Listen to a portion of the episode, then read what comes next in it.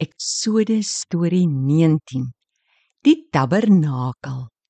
Eksodus 23 tot 31. Lekker lekker storie tyd.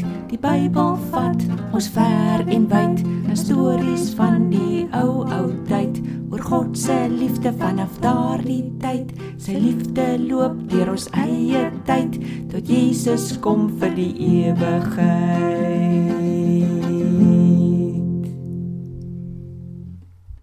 Hallo julle. Mmm, dit ruik so lekker. Hallo Tobias. Dit moet die rose in hierdie pot wees. Laat ek ruik. Atsjo.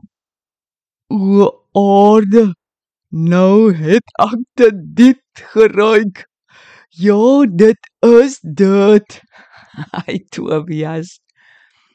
So 'n lekker reuk laat voel mens sommer ook lekker. En dit laat my nou dink aan 'n storie vir vandag. nou daaroor dog tannie. Vertel. Tobias, ons wou mos nog vir die maats vertel van die tabernakel. Dit was die spesiale tent wat die Israeliete vir God moes maak. Nou dat het lekker geruik daarin. Die wierook. God het vir die Israeliete presies vertel hoe hulle moes leef om te wys hulle is lief vir hom. Hy het verduidelik hoe die tabernakel moes lyk en hy het gevra dat hulle 3 feeste in die jaar moes hou. Fiesta, laat ons hoor. Fees 1 was die fees van ongesuurde brode. Vir 7 dae het hulle brood sonder suurdeeg geëet en offers gebring om te vier dat God hulle losgemaak het uit Egipte. Fees 2 was die fees van die oes en is gehou net wanneer hulle die eerste koring van die land geoes het. O, lekker. En die derde fees? Dit was aan die einde van die jaar en was die fees van die insameling na die oes. Dit klink tred. En die tabernakel tannie? Hoe kom moes hulle een naak? Die tabernakel moes die Israeliete laat onthou dat God by hulle wil bly. God het hulle beloof dat hy sy engel voor hulle sal laat uittrek na Kanaan toe. Die engel sal hulle help en beskerm, maar hulle moes mooi luister na hom. Hy sal al die vreemde volke laat weghardloop voor die Israeliete uit. Hulle moes tog net nie daai volke se afgode aanbid nie. Hulle moes die afgode se klippilare stukkend slaan. Hulle moes God in die tabernakel aanbid. Nou, hoe het die tabernakel gelyk? Dit was pragtig binne. Die raam van die tent was van doringhout met goud oorgetrek.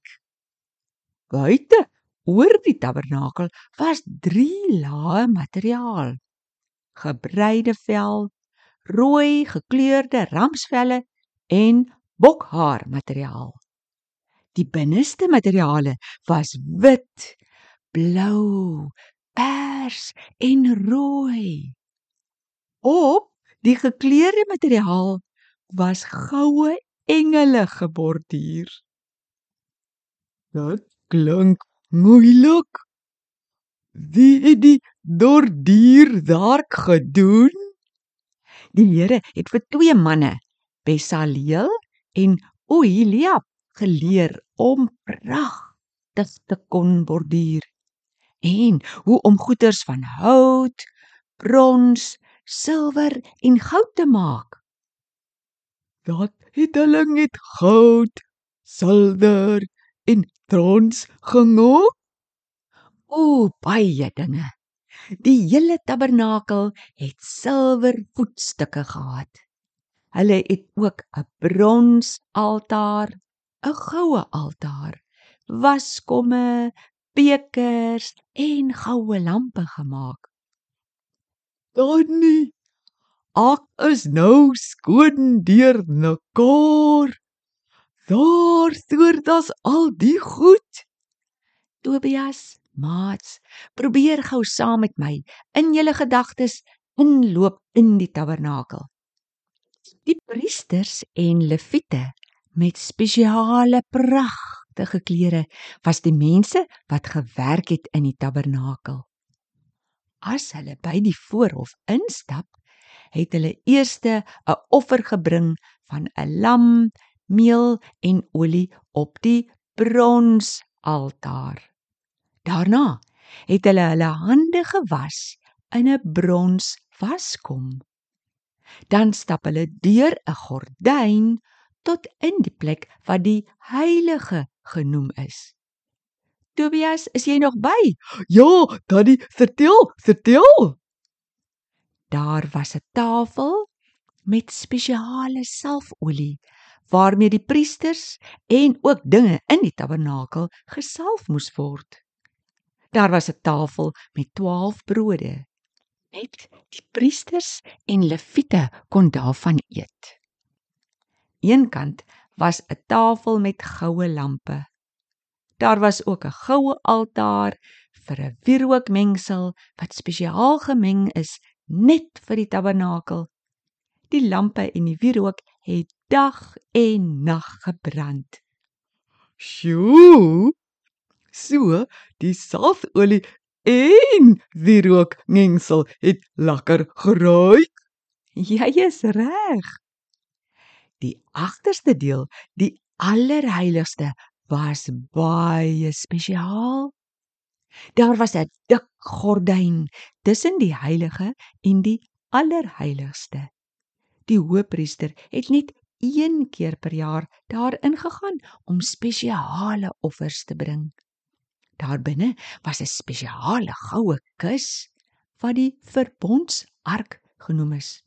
Bo-op was 'n goue deksel met twee goue engele daarop. Ons kan later vertel wat binne in die goue ark was. Daddy, dat beteken dit alles. En hoekom het ons nie meer 'n tabernakel en 'n goue verdonsark nie?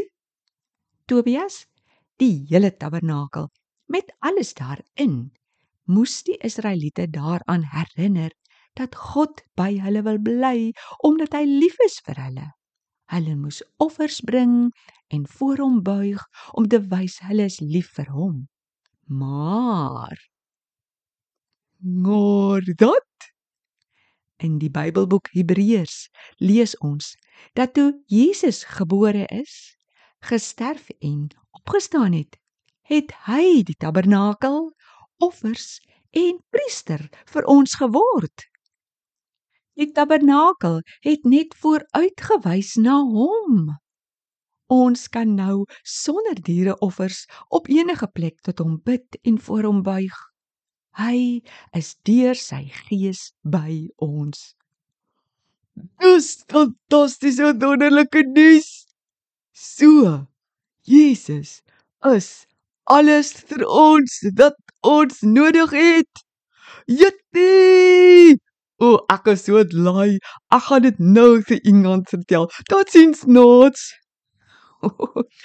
o, daar draf die ou al. Mats, al was die tabernakel hoe mooi en spesiaal. Dit was net vir 'n tyd nodig totdat Jesus sou kom. Hy is selfs groter en mooier en meer spesiaal as die tabernakel. Ons aanbid deur hom en tot hom. Ek groet julle dan ook tot volgende keer. Totsiens. thank you